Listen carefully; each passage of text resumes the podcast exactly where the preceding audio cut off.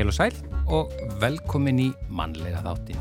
Í dag er þriðju dagur og það er 11. apríl. Já, manni líður eins og að sé mánudagur. Já, já.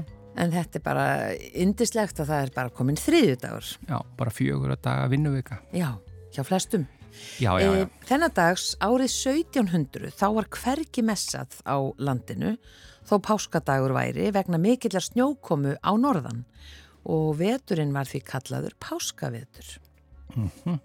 Svo er það ungmennafélagið Afturelding sem var stopnað í Mósfellsbæ á þessum degi árið 1909 og nú er heldur betur Afturelding í sjómarspunu, bara heilir sjómarstættir eða þáttaröð. Uh, svo sem ekki um félagið eða sögu þess en, en þau eru að spila handbóltas konurnar fyrir uh, afturheldingu og yngvar að reyna því að það vist ekki komið uh, svo langt en þá Nei Það er ekki að kæft eitthvað um framhaldið sko. Nei, nei. Eh, 1912 mánadarlöngu verkfalli Kvenna í fiskverkunni Hafnarfyrði laug með samningum. Þetta var fyrsta verkfall Kvenna á Íslandi og jætmil fyrsta skipulaga verkfallið. Já. Ekki spyrja á konunum. Nei, nei, uh, og talandu um það, uh, Rannveig Þorstinsdóttir fekk rétt til þess að flytja mál fyrir hæstarétti fyrst hvenna á þessum degi árið 1959. En að efni þáttanis í dag, geðfræðslu félagið Hugrún er reikið sjálfbóðaliðastarfi af háskólanemum og öll starfseminn snýra því að bæta geðhelsu ungmenna á Íslandi og auka aðgengi að geðfræðslu. Og núna yfir páskana þá gaf félagið út myndbönd með yfirskriftinni tölum meira um geðhelsu og eru ætlu til þess að vekja fólk til umhugsunar um mikilvægi þess að tala opinskátt um sína geðhelsu, kannski aðalega, mm. við aðra. Og vonin er svo að með tímanum þá verði eins eðlilegt að ræða um geðhelsu sína eins og það er að ræða um líkamlega helsu. Og við ætlum að fá hinga til okkar fólk til að tala um þetta hér rétt strax. Já, við fáum vingil frá Guðjarni Helga Ólasin í dag, þó að það sé ekki mánudagur en það var bara engin þáttur í gerð á mánudegi. Og í þetta sinn ætlar hann að leggja vingilin að uh, menningarmun, uh, þar að segja, þau sem búa í skójivöksnu landi og þau sem gera það ekki. Og svo kemur Elin Björk Jónastóttir til okkar í sitt vikulega veðuspjall. Já, og í dag eins og við sögum 11. er 11. apríl og þetta er sem sé fæðingadagur Viljáms, Hólmars Viljámssonar, söngvara og tónlistamanns. Hann var fættur á þessum degi 1945 Í Merkinesi í höfnum á Suðunisum ólstar upp yngstur í hópi fimm sískina og hann var á uppvakstarárum sínum alla jafnakallaður Hólmar og fadir hans var Vilhjálmur Hinrik Ívarsson og hann var þekktur harmonikuleikari og söngmaður og Vilhjálmur hafði munstrað sig í lagadilt Háskóla Íslands, skipti yfir í læknisfræði og svo var hann bara söngvari og ekkert bara með það. Staðins að stundalög þá sönganlög. Akkurat. Já, hann hefði orðið 78 ára í dag. Já, einn okkar allra besti söngvari og við ákvaðum bara að velja lög með honum í dag. Já, hann, hann mun syngja þau lög sem hljóma í þættinum, mannlega þættinum í dag. Já. Byrjum á þessu. Er, þetta verður örgulega þótt gríðala langt inn í framtíðinni Já. þegar það var sungið. Þetta er árið 2012 heiti lagið. Það heiti það í mitt eftir Magnús Ingimarsson og Ómar Ragnarsson samt í textan.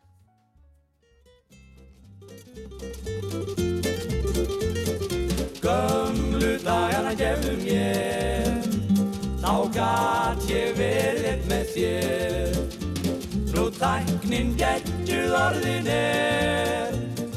Gömlu dagana gefðu mér. Við dreymd að veri komið árið 2012 Þeir tunglið höfðum albikað og stift í holv og gólf. Já, veröldin var skrítinn, það var allt orði breytt.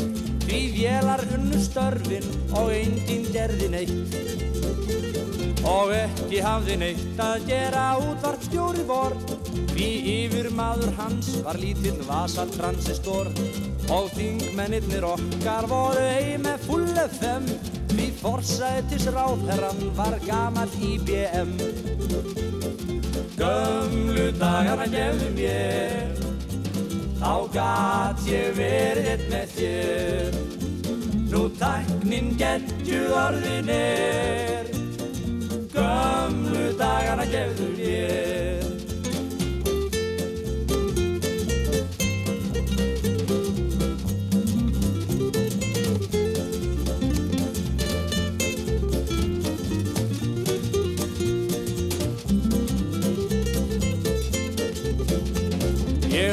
Lappaðist á bíó þar með ungri stúlkukinn En ekki hjælti út að horfa og kábói röntgen mynd Ég dapur fór á barinn og um doppul baðan stút.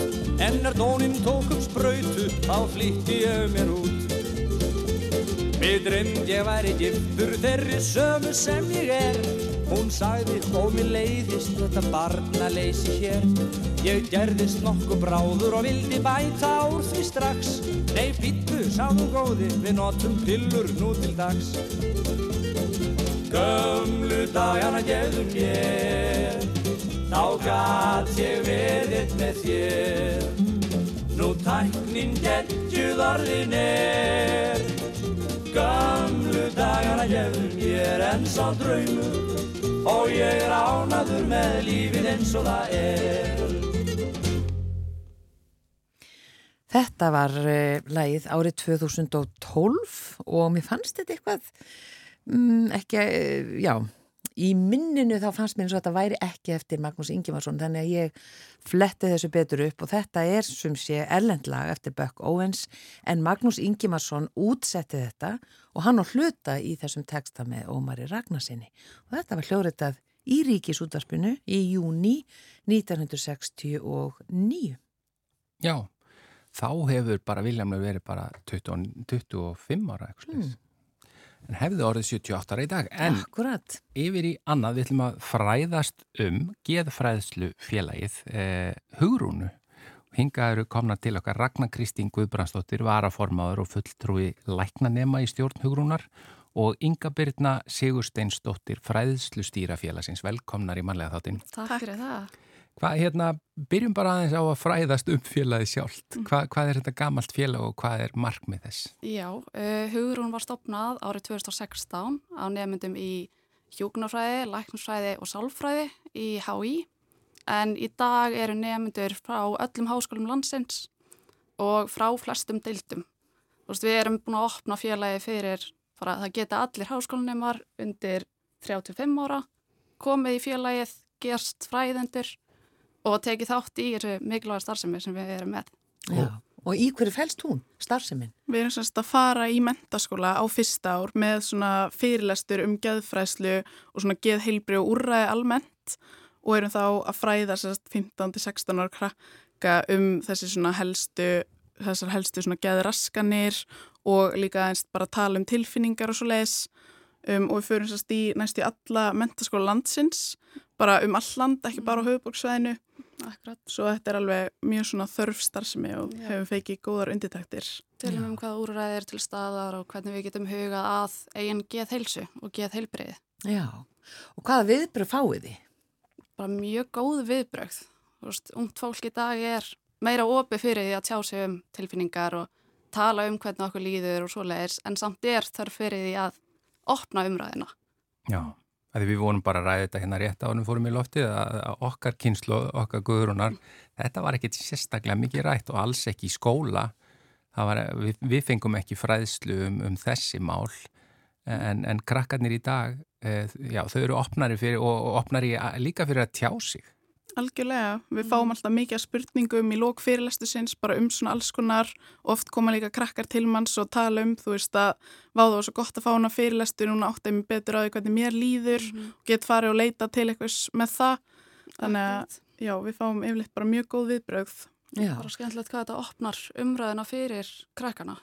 Já, e, út á landi að því þið farið út um allt land e, svona, verðið þið vörfið að það eru svona færri úrræði eða Já, svona, já, það er alveg, þú veist, út á landi ég er sjálf frá eigum, þannig að maður tekur eftir að það er meira í bóði hérna á höfuborgsæðinu og það er svona svo mikilvægt að við í hugránu förum í allar skóla landsins til þess að fræða þau um að þau geta farið inn á þessa síðu og fundið þetta og hvert er hægt að leita eða þú ert að glíma við eitthvað. Já, akkurat. Mjög mikilvægt. Mm -hmm.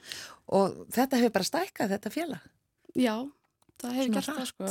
Já, algjörlega.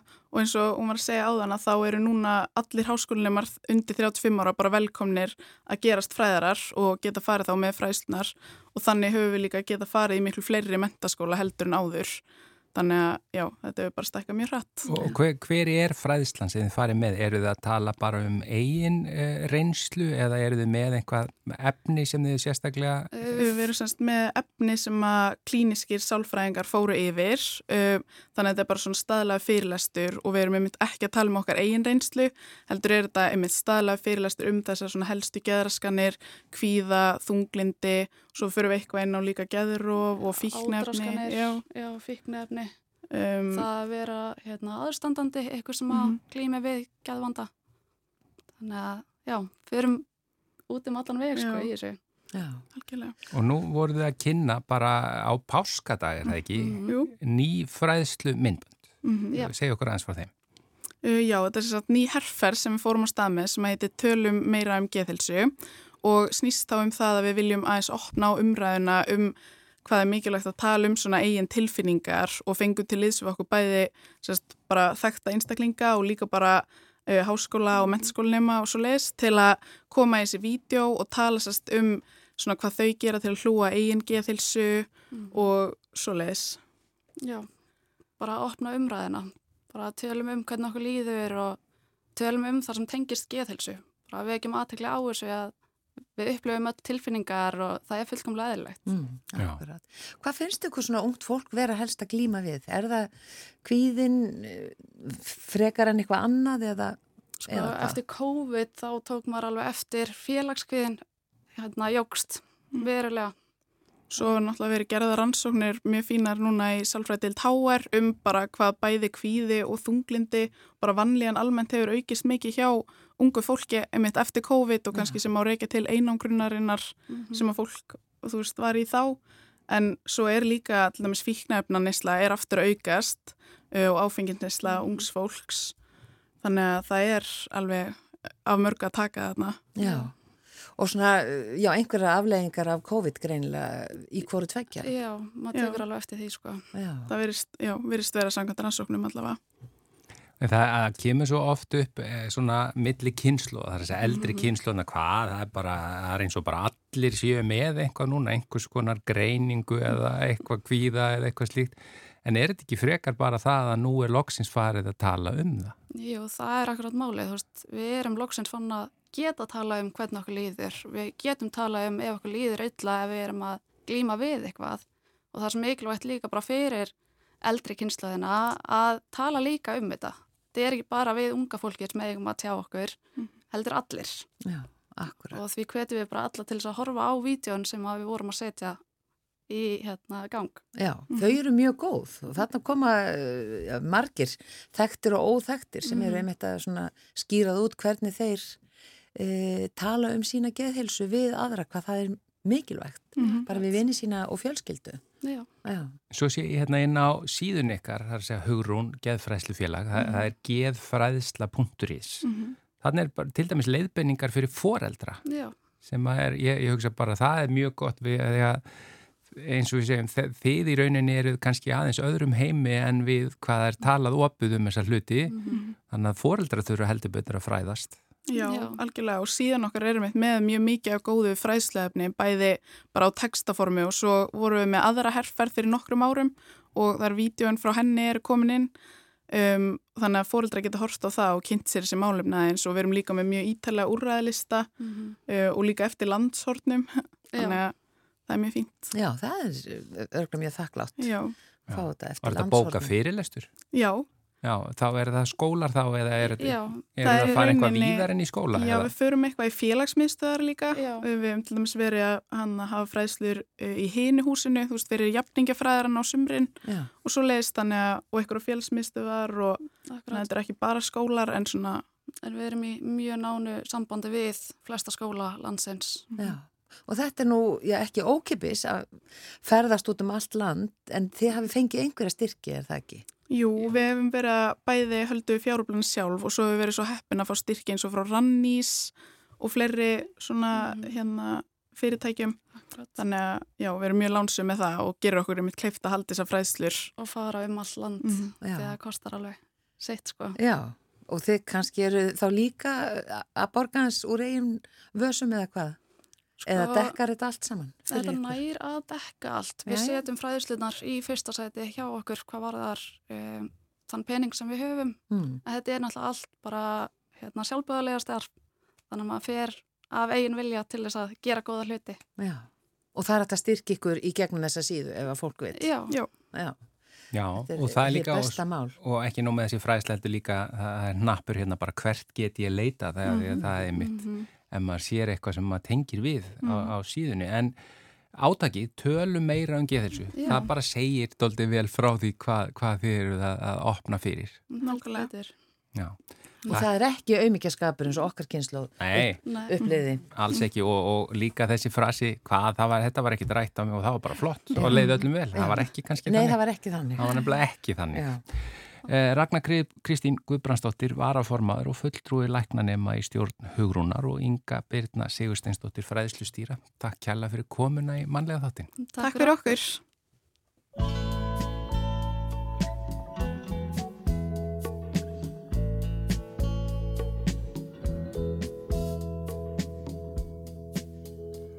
Að sitjinn á bar og sjá eitt í neitt Segi ég öllum mér finnist ei leitt. En raunin er svo ef ráðum við í Að reyndar við höfum ei gaman af því.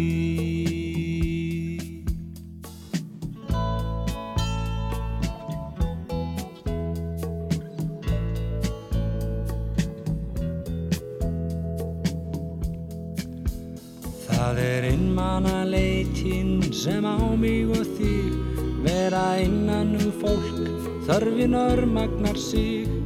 Ég augum lít fólkið, álíktum dreg Bara einmanna mann verur rétt eins og ég. Það er nú svo skrítið er á það ég lít Sú örvending stór brotinn segja ég hlít Þegar finn ég það út Ef fast ég brýt hugan um ferðalag okkar á þessari stórð Alveg er sama hver ánægður dvel Í allsnægtum mér verður ekkert um sel. Hamingjan druknar sem dægur flugan Í draumum um meira á allsnægta borð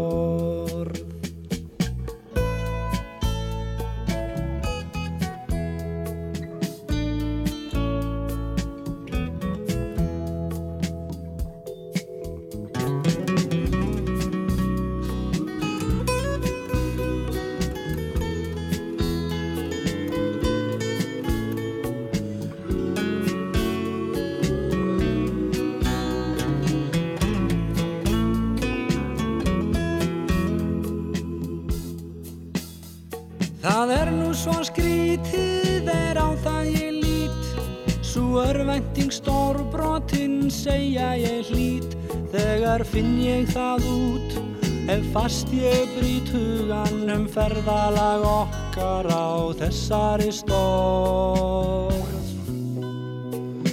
Alveg er sama hver ánæður dvel Í allsnægtum mér verður ekkert um sel. Hamingjan druknar sem dægur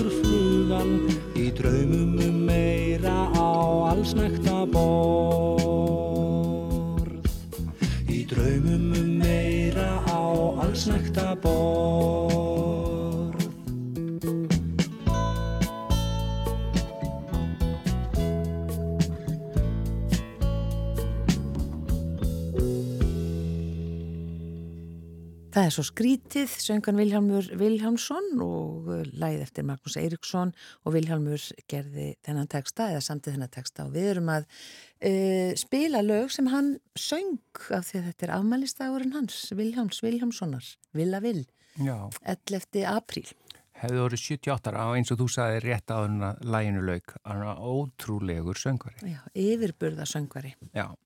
En nú fáum við vingil uh, þrátt fyrir að þessi þriði dagur. Uh, yfirleitt fáum við það á mánudögum en í dag uh, er vingil frá Guðjóni Helga Ólasinni og í þetta sinn ætlar hann að leggja vingilin að þeim menningamun sem er að búa í skóvöxnu landi miða við að búa í ekki skógi vöxnu landi. Ágætu hlustendur, ég er svo stálheppin að geta setið á pallinum við húsi mitt við vinklagerðina í dag. Þetta er bara hátilega stund, treylega, ég man ekki til þess að hafa notið hér næðis síðan í fyrra. Hér er ákala gott að vera, útsýnið er fallegt, friður og ró og hádegisloknið í alglimingi. Já, hádegisloknið, það er alveg fyrir bara hér. Ég bý ekki langt frá sjó, mér minnir að það séu 8 kilometrar styrstu leið hérna nú. Þegar að andar að norðan í létt skýðu þá eru oft lokn snemma morguns í kringum hádegið og eftir kvöldmatt.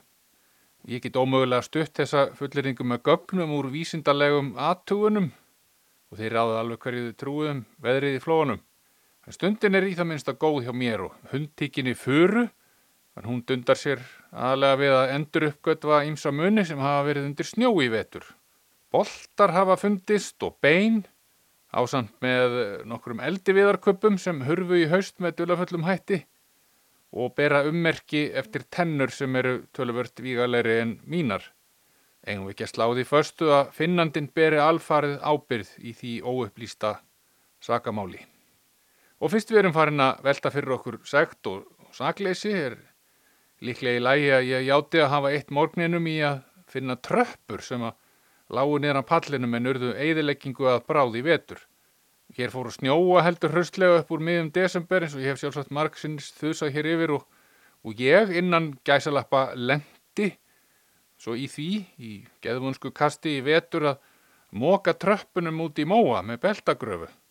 Meiningi var að reynsa starðarinnar snjóskabla pallinum sem gekk mikið til stórslisa löst en tröppunum var ég búin að gleyma og því fór sem fór. Þær voru hins vegar úr bísna vígalegu efni þannig að eftir að hafa fundið allar spýturnar var létt verk að skrúa þær saman aftur. Það getur alveg borgað sig að efna vel í svona framkvæmdum. Blómakjær frúarinnar held ég að væri orðin ónýtt eftir veturinn líka og með þáttinum ekkert bæjarfókita úr sarpi útvarfsins í heyrnatólunum tók ég mig til og klifti búta úr blikkplötu sem var til í einhverjum afgöngum hérna og, og lagaði gjarðirnar sem helduðum saman. Það má lengi laga svona smottir í til ef maður nennir. Kerin eru útbúin eins og síldartunnurnar í gamla daga, úr stöfum, tunnustöfum svona, sem raða er saman undanum ringlaga botn og festin með gjörð úr játni að ofan og neðan. En það játn hefur verið heldur nömt skorið upphaflega og af lélögum gæðum. Svona blómapottar hafa þann kost að ef að frúni finnst viðgerðin ljót kannski, er lítið mála pilla gerðirnir af og færa til endurvinnslu en timbrinum á stinga í kaminuna eftir þurkun og brenna sér til líu. Það er hvorki málan í meðhundla öru leiti og upplagt að nýta það svoleiðis. Mér finnst notalegt að kveiki upp í kaminunni og fá góðan hitta í stofuna. Kanski er það minn innri frummaður sem nýtur mest og ekki síður þess að standa í alls konar eldi viðarbrasi. Það þarf að saga í henduar lengdir kannski og og kljúfa einhverja spýtur með gömlu svisnesku bíberöksinni minni nema þegar þrösturvinnu minn sem er smiður á bestu gerð færi mér spreki í aldin. Hann er oft og yðurlega búin að saga í lengdir eftir kunstarna reglum og tilur ekki eftir sér. Ekki amalegt að eiga slíkan haug í horti. Mér var sagt í Sviss að manni hittnaði tvísvar við að kinda kaminuna. Fyrst við að högva í eldin og svo þegar tekur að loga í eldhólfinu. Vissulega þessi eldi við að speki ekki bundin við það ágæta land og ég hafi fyrst teirt á þetta minnst þar við vinnu fyrir mörgum árum síðan. Er tölverur menningarmönur á okkur sem komum úr nánast skógulösu landi og hjá þjóðum sem njóta slíkara lífskeiða. Á Íslandi er rektaður skógur á innan við 2% af flatarmáli en í Sviss eru 31% af flatarmáli lands skógivaksin. Það maður tala nokkjum Finnland en þar er skóur á 75% lands. Ég fór að hugsa um þetta í logninu áðan, það er ennabla ekki skjólselt hérna hjá mér, þó aðrir kostir trombi það auðvitað markvallt. Aðeins erum við búin að planta trjám hérna en skjóli að þeim kemur nú ekki gagni fyrir setna. Eldi við þarf eiginlega helst að geima inni hérna á Íslandi en viða erlendi stugar að stapla ánum bara upp og leggja svo hjáttplötu efst til að verinda gegn rigningu. Ég er teltist líkt algjörlega galinn frágangur. Í fyrsta lagi vegna þess að rigningin á Íslandi dettur nú ekki beinlinis loðrétt niður, heldur kemur hún ekki síðar á hlið og reynir með góðum árangri að tróða sér í allar mögulegar glöfur og mannvirkjum. Og þær glöfur sem lárétt rigning nær ekki innum lítur skafrinningur á sem greiðfæra leið. Þannig að eldiviðarstabi sem ekki rignir í áður en hann fíkur á eftir hjáttplötunni verður gjörsamlega upp kýttaður af fóksnjó næst þegar svoleiðis viðrar og bráðnar svo með þeim hætti að hvert einasta sprek í stabanum verður blöytt og börkurinn að dröllu. Ég hef aðeins föndra við að búa til eldiviðarkassa úr plasttöngum sem almennt ganga undir nafninu bambar. Það hefur reynst sæmilega en uh, alltaf skulu koma veður sem ná að bleita aðeins í þessu hjá mér og helst er það nú skafrinningurinn sem er til ama. Skásta aðferðin hefur reynst vera að gera gött í botnin á bambanum Þannig að vatnið eigi greiða leið í burtu þegar snjórin sem óhjákvæmilega treður sér inn tekur á bráðuna. Sjálfsagt er engin aðferð örug nema að stapla eldiviðnum upp inn í stofu og þá er líka stutt að fara til að ná sér í kupp til að tálka úr spítukall.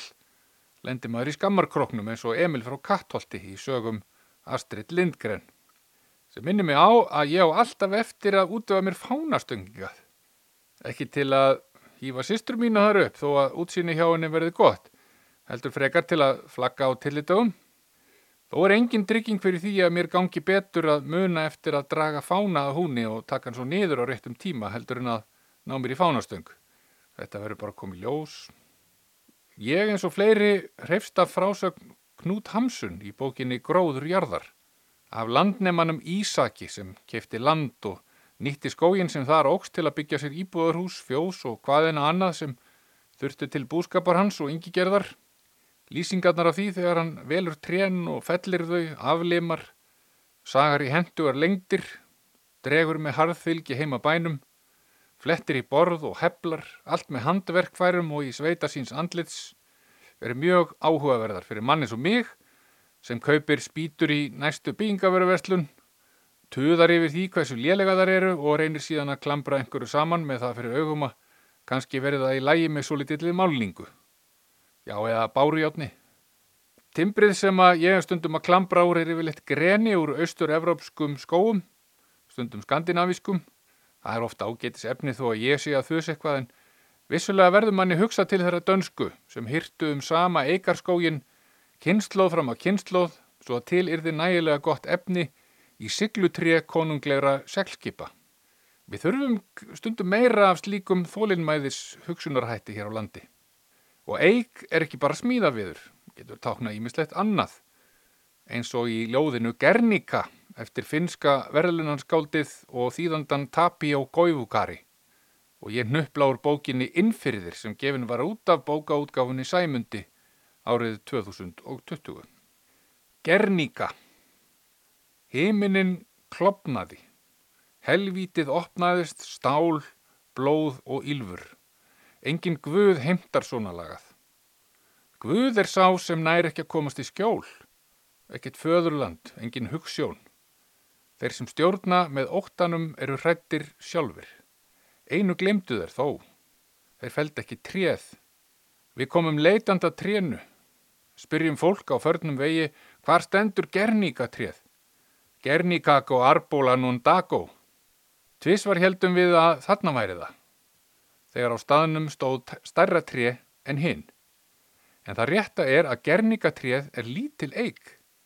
Það er nú aldeilis. Hún hefur ekki verið mörg ára á sínum stað. Eldri en aldur segir. Starri en sínist. Þegar gamla eigin fer, kemur ný í staðin.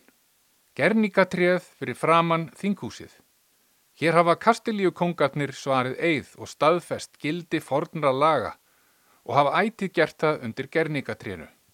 Til minnis um þá tíma enn fornari, þegar menn söpnuðust saman undir eigartré að ræða málinn.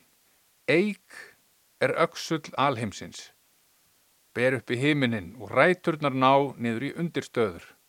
Það hafa menn vita víða og hér líka. Ekki er viskan horfin úr eiginni, hafi maður tíma, til að dveljast undir eiginni þarf ekkert að óttast. Takk fyrir að hlusta. Góðar stundir.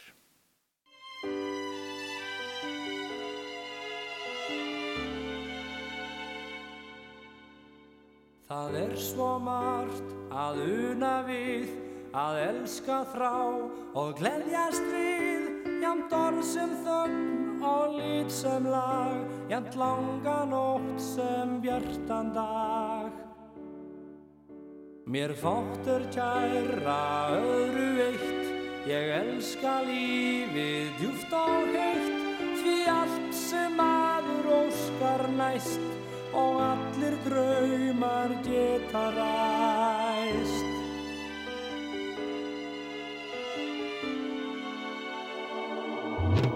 Ég byggi hlátra heima í húmi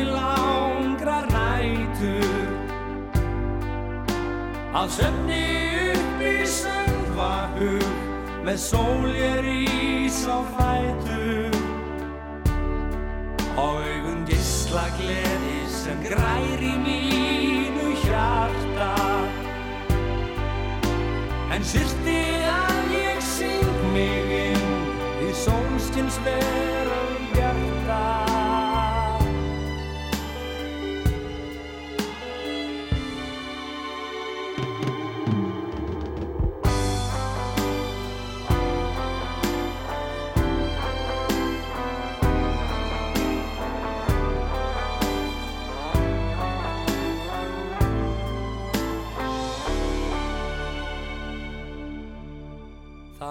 svo margt að una við, að elska þrá og gleðjast við, jamt orð sem þögn og lit sem lag, jamt langa nótt sem bjartan dag.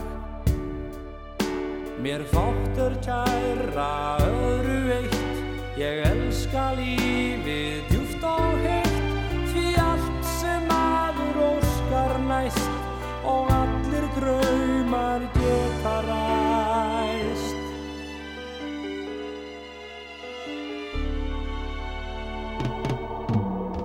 Byggi hlátra heima í húmi langrar nætur. Að söfni upp í söngvahug með sól ég rís á fætur. Og augun gísla gleði sem grær í mínu hjarta.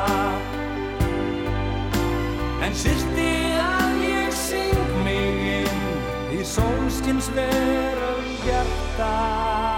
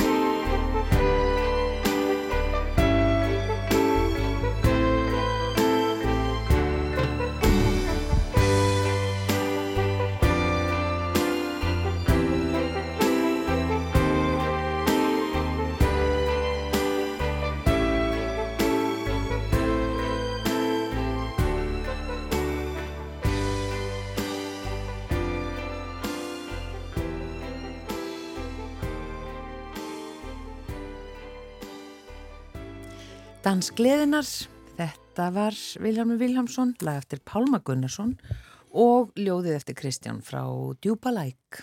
Já, það er ímislegt í þessu lagi sem að mér finnst hljóma eins og bara svona bítlalag. Mm. Það er geggja lag, sko. Já, þetta er frábært lag eftir hann Pálma Já. og Eh, velsungið. Já, heldur betur. Það kom að veðurspjalli. Hingaði komin Elin Björk Jónasdóttir veðurfræðingur. Velkomin og gleðilega páska. fyrir, gleðilega páska. Gleðilega páska. Var hérna páskaveðrið eins og þú spáðir fyrir um svona um það bíl? Já, var aðeins eftir að skoða hennan vind hérna á fyrstæðin langa, svona það með við tjónið sem var, þá svona kannski talaði ég ekki nóg um að það gæti verið kast, sko. En, Já, en, já. hérna, en ég held að þetta hafi allt gengið bara eftir, sko. Býtu þannig að þú ert ekki bara að horfa fram í tíman, heldur þú ert líka núna að skoða aftur í tíman, hvernig var þetta miða við það sem þú sagðir? Já, við erum rosa mikið í því að skoða, skoða sko, hvort að við höfum eða hvort að spáin hafi geigað, þannig, þannig læri við þetta sko. Já, já. Já, það er einmitt. Kannski eitthvað vanumat þarna með vindin. Ég held reyndir þetta hafi kannski meira verið vanmat uh, sko þeirra sem að ættu í raun og verið að ganga frá alls konar að byggingasvæðum Já, því það var vissulega viðvörun sko þannig að sem að, sem að gerðin ráð fyrir því að þeir eru kvast þannig Já. að hérna en það er alveg, það er alveg mjög þekkt að ef það hafi ekki verið viðvörunir í einhver tíma eða það hefur ekki verið kvast úr ákveðinni átt í einhver tíma að þá gleymir fólk sér mjög hratt Já, það Og- er rétt. og svona sko þannig að, að hérna það þá gleymir fólk að skoða það konar Þetta var alveg hjá þér, af því ég held að ég hef einmitt bara glemt að það var gul viðurinn. Bara þegar þú segir það. já, þá- já. Og, og talandu sko byggingasvæðina, því að nú Já. eru byggingasvæði allt í kring hjá mér Já. og þá fer bara fjúka, ég fer að kemur svona við, Já, já. þá fíkur bara eitthvað plast Já, og drast Já, já. út um allt. Einmitt, Þannig að það það má endilega ganga vel frá því. það Sko. þarf að fergja allt sko. En svo var í gær, já, hér allan á höfuborgarsvæðinu, það var bara, ég hugsaði bara, nú er þetta bara komið. Það var bara geggjað veður. já, já. Já, og það er voru við núna það eru þetta rigning hérna á sunnverðu landinu en, en þetta er mjög svona vorlegt það er hlýtt og Það er hlýtt. sko. Og, og sko rigni bara beint niður, já, hér bil, já, einmitt, Mm. það er nefnilega ekki mjög kvast allavega í bili svona örfára daga sem maður getur gengið um með regl. mér er ekki líf, já, sem er Án þarf ekki að vera sérstyrt. Já, eða, já, án þess hún skemmist. Akkurat, þannig að, og sko, talandu þetta, verður þetta svona áfram? já, það er að mista kosti sko mestar líkur á því að við verðum hér í svona einhverjum söðurlægum áttum og þá svolítið vætið sem við veðri hérna sunnan til en þá fáum við hlýjaloftið jafnframt sko, þannig að Mm. það er svona lítur allt út fyrir það. Það er allavega, það er engin einhver svona norðan hret í kortónum eins og við sjáum þau Nei. í dag. Og, og verður það veðrið betra fyrir norðan heldur en hér? E, já, sko þá eru þetta væntanlega heiðar í heiminn sko, Mm. sem er nú, gerist nú gjarnan þegar það eru sunnanáttir. E, en aftur á móti, sko var þetta orðið ofbúslega þurrt hér og þá eru þetta orðinir gróðureldar og gróðurelda hætta. Þannig að það er mjög gott að fá góða vöku núna þegar gróður fyrir að taka við sér og, og það sko eru auðvitað nöðsilegt að regni líka fyrir norðan. Þannig að, að það fyrir sennilega svolítið eftir hvernig þú spyrð hvort þetta þykir betra við. Já. Já, það er þessi frasi Spyrjum alltaf, þetta bændur. er gott fyrir gróðurinn. Já. gott fyrir gróðurinn þetta er það, alltaf gott. og það er náttúrulega uh, já, mikilvægt sko að, að, hérna, að það komi ykkur væta með Já. En það er sko, ég sé bara ef ég renni hérna yfir næstu daga á veðu.is, Mhm. þá eru, það eru meira og minna rauðartölur sko, en ekki drosa háar. Nei, nei, nei, Já. nei enda, enda 5, 6, 7 stig það er nú alveg hellingur á þessum ástum Lingur. Það er nú bara apríl. Já, já, En ta talandi um samt sko, hérna lífi og ekki lífi og annað, marsmánuður, mm. við fengum kaldan.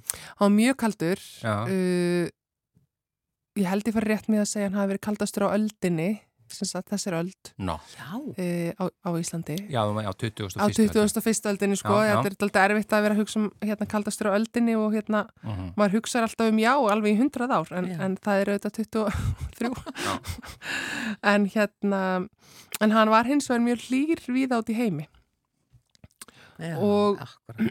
þannig að hann er sem sagt svona nattrænt annar hlýjasti marsmánuður frá upphæfumælinga Á, á heimsvísu á heimsvísu, já. Já. Hér stendur í tíðafari við, frá veðstofinni mars var mjög kaldur um allt land kaldasti marsmánuður á landinu síðan 1979 Já. Þannig að við erum komið með, með þetta er búið að vera kaldu vetur. Svona að ég blanda allavega hjá okkur tveir mjög kaldi mánuðir. Um, en já, það var mjög hlýtt á heimsvísu. Það var kallt í Skandinavíu og kallt á Íslandi en það var hlýtt í Austur-Evrópu uh, og frekar mild til dæmis á Breitlandsegjum uh, kallt sumstaðar í Norður Amerikan mjög hlýtt með vestur ströndinni og, og það sem að skiptir kannski höfumáli þessu er að það var mjög, mjög hlýtt á suðurkvelinu nú er náttúrulega vetri að sleppa þar. Mm. nei, sumri að sleppa segja ég að þar. Og hérna farið að hausta en, en það var mjög hlýtt og, og mi- mikil hlýjinn til dæmis á Suðskottslandinu lítill ís þar Hva, hvað, þykki, hvað þýðir mikil hlýjindi á Suðskvistlandinu?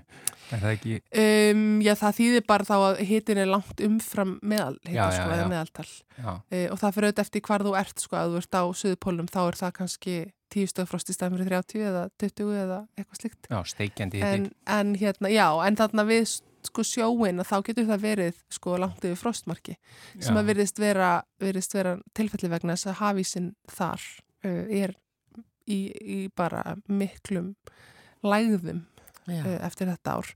Og ég heyrði svo gott hérna það var svo góð lína í sjónasfréttunum í gær það var hérna verið að tala við norska vísindamenn sem eru leiðin á Suðskottslandið í, í hérna veturinn þeirra að, að sinna mælingum.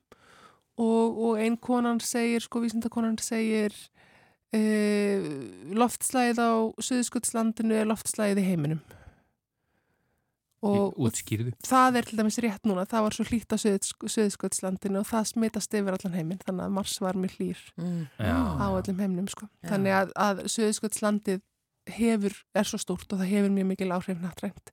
Allavega á Suðukveli og svona, en mér fannst þetta, þetta passaði vel við bara eins og þetta hefur verið núna. Já, akkurat. Við ætlum líka aðeins að ræðum eldingar. Já, sko, ég, ég, ég hef spurt þig alls konar Já, já. spurningar sem eru misgáðulegar og svo leiðis, en ég menna þetta er bara hluti því sem ég Allar veit ekki spurningar um. eru gáfulegar sko. Já, já. Uh, af hverju eru svona sjaldan eldingar á Íslandi? Uh, Já. Miða við til dæmis þegar maður er í heitarlöndum, þá er það bara Mm. miklu, miklu, miklu oftar og, og svona stórfenglegar og flottar, Já, já. teiknaðar alveg Mhm. í, í heiminin. Um, að mestu leiti er þetta, hefur þetta með hitan að gera. Það þarf rosalega mikinn hitamismun uh, frá yfirborði og upp í svona 9 km hæð, 5-9 km hæð. Mm. e, til þess að, að framleiða eldingar í raun og veru og hérna það þarf mikla lóðrétta hreyfingu þannig að andrúrslöfti þarf að vera mjög svona mikið hreyfingu upp og niður ekki bara, ekki bara lárétt eins og vindurinn á Íslandi er gætnan heldur í hináttina Uppvind átt. uppvindur já. Og sem sagt mest af eldingum eru nú yfir það sem er sko bæði þá uh, hlýtt haf eða hlýr, uh, hlýtt vatn og fjöll gætnan að því þá sem sagt eh, kemur sko í, í hérna sól, sem sagt er skín sól að þá kemur svona hafgóla og kemur rakt loft frá hafi inn yfir hérna land. Mm. uh, og ef það eru fjöll að þá þvingast loftið í raun og verið í þessa loðréttu reyfingu að því loftið bara klessir á fjöllinu og verður að fara ykkur og það fer upp eftir fjallinu og þá myndast þessi loðrétta reyfing með rosalega mikill orku að því eftir sem er hlýra og rakara því orku meira er andrúsloftið og, og þá sagt gerist þetta svona tiltúla auðveldlega. Á Íslandi verða eldingar uh, helst í miklum skúraveðrum eða miklum jæljaveðrum á veturna í svona reysastórum skúraflókum sem eru svona blómkálsský sem við sjáum oft hérna til dæmis í Reykjavík hérna út af faksafló á veturna þegar kemur kannski síðan blindbilur í tíu mínútur Mm. og eldingar og svo stittir upp þá er það svona útsýningur með hérna Mm. með, með eldingum uh, og þá er, það, þá er þessi þá er hafið svo heitt miða við sko andrúslaftið, þá er kannski 5-6-7 stiga frost hérna yfir landi en alltaf hlýri yfir hafinu og svo kannski 40 stiga frost þá upp í 5 km hæð eða 7 km hæð og þá dugar það til þess að mynda eldingar En sko, að því að ég man ekki eftir því allavega á Íslandi hafa séð Mm. eldingu svona alveg teiknaða eins og maður sér erlendis. Nei, maður sér kannski að það svona byrtir til eins og bara flass eða Já, sko það er, uh, það gerist alveg Já, hérna. ég held að ég hef einu sinni séð já, þessi. já, ég- og, en við kannski á sumurinn sko þá er alltaf bjart á Íslandi þannig að þá sjáum við ekki þessar eldingar. Já, já. það er náttúrulega ekki orðið, dimmt klukkan 6 eða 7 þegar það er koma yfir eins og, eins og er í útlöndum. Uh, og svo eru það nú kannski sko mögulega fleiri bara milli skýja frekar en það fari til jarðar. En það er þó ekki, ég er ekki alveg viss. En ég hef alveg séð svona teknaðar eldingar þar sem, að, þar sem að hafa bara farið í nefið og þóttum og kemlaðu hlutli sko þannig að hérna Þetta er kannski bara spurningum að það eru færri þannig að það er ólíklar að við sjáum þar sko en þegar við kannski stöndum á einhverjum hótelsölum og horfum beinlinis á sko stormin ganga yfir þá þetta sjáum við miklu fleiri En er, þetta ekki, er ekki gott að vera laus við þetta? Þetta getur verið stór hættur. Jú, þetta getur verið stór hættulegt og þetta er auðvitað hættulegt en maður er úti við sérstaklega sko og það, maður þarf að, að hérna kunna bregðast við. Það er bara einn frægasti kilvingur í heimi eh, í Mm. sögunni, sko, Lítre Vino sem er í rauninni bandaríkja maður í dag en hann er Mexikói uppalega. mm. Hann hefur held ég, ég held ég sé að fara rétt með það sé ekki tvísar, heldur þrísar fengið eldingu í sig Já, út á náttúrulega alveg ótrúlegt sko Já, þú veist, það er náttúrulega bara það að lifa það af, sko, Jú, jú, það og, er- já, og já. hvað þá að lendi í því aftur og aftur, aftur og sko. aftur. En er með krulla hár? Eh, nei, Nei. hann er ekki mjög grullaður. En eh, ég skal ekki segja kannski rétt eftir eldinguna, Já. þá kannski grullaðist það. En talandi um þetta, ég er mitt sko heyrði af manni og ég held með þess að við hann tekið viðtal við hann ekkert mann sem hefur fengið flugaldaprygg í hausinn tvísvar. Já, sem Já. náttúrulega ekkert líkt eldingu en það er Nei, ótrúlega undarlega tilviljum. maður hefði nú haldið að það væri kannski líka tiltúlega óalgengt. Já. Já. Tvísvar. Einmitt. Nei, en semst eldingarnar, það er, hérna, það er auðvitað þessi þjættleiki sko, sem að, hérna, er miklu meiri við til dæmis miðbög bara heldur en hér. Þannig að þú veist, það er líklega að þú verður fyrir eldingu ef þú ert einhvers þar þess að það eru oftar. Uh, en, en sem sagt, maður alls ekki standa út á gólvelli í eldingaveðri, maður á að, að hlaupa í skjól, sko. Og ef maður kemst ekki í skjól þá maður nýfra sér niður. Já, Því einmitt. eldingin þetta fenni að bli hæsta punkt, sko. Já. Og ekki halda gólkilfunni. er Ekki það, ekki það sama Ekki og halda gólkilinu, en Gunni. sko þegar kríurnar ráðast á okkur út á golfvelli, þá setjum við golfkillunar upp í loft. Já, nei, ekki gera hæsta það. punkt, sko, Einmitt. en maður gerir það ekki í eldingu. Ekki gera það veldingur, nei. Nei, Og bara ekki halda í hana yfir Kasta höfuð frá sér bara. kilfinni og nýbra sér niður, já. já, en önnur kannski Gott ráð. ekki svo gáðuleg spurning, bara rétt í lokin hérna. Er þetta eitthvað svipað með eldingarnar? Eða, þú veist, eh, það er að segja ramagnið sem verður Mm. til, sem að ver, veist, eins og bara þegar maður er að lappa gólteppi og snerti svo mannesku og kemur smellur, Í Það er svona stöðuramagn, stöðuramagni, sko. já, já. Já, það er náttúrulega miklu, miklu, miklu meiri hérna ströymur í eldingum, sko. Já, ég meina hvaðan kemur ströymurinn sem að, Það er vegna þess að þá hefur andrúslofti sem það er yfirleitt einhver, einhverjar agnir, oftast er þetta ís sem að fer upp og niður, svona haglil sem að fylgja þessu, sko. já, og þau, það hlæðist andrúsloftið af því að það er alltaf að nuttast hérna, e, í þessari upp og niður hreyfingu, sem sagt þessir, þessar agnir. Þetta er magna, við þurfum að það aftur til að út, ég ég held ég þurfa að fá að heyra þetta já, Já, já, einhvern tíman í haust um að gera. fyrir veturinn, Já, já. já. já, en, En takk kærlega fyrir enn og aftur fyrir að fræða okkur um, um ímislegt hvað sem við kemur veðri Já, minnst Björk það. Jónasdóttir. Alltaf gaman að koma.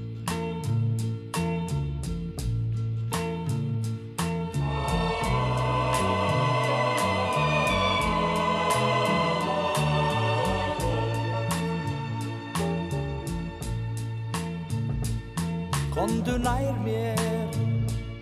Svo ég heyri hjarta slá. Hjarta sem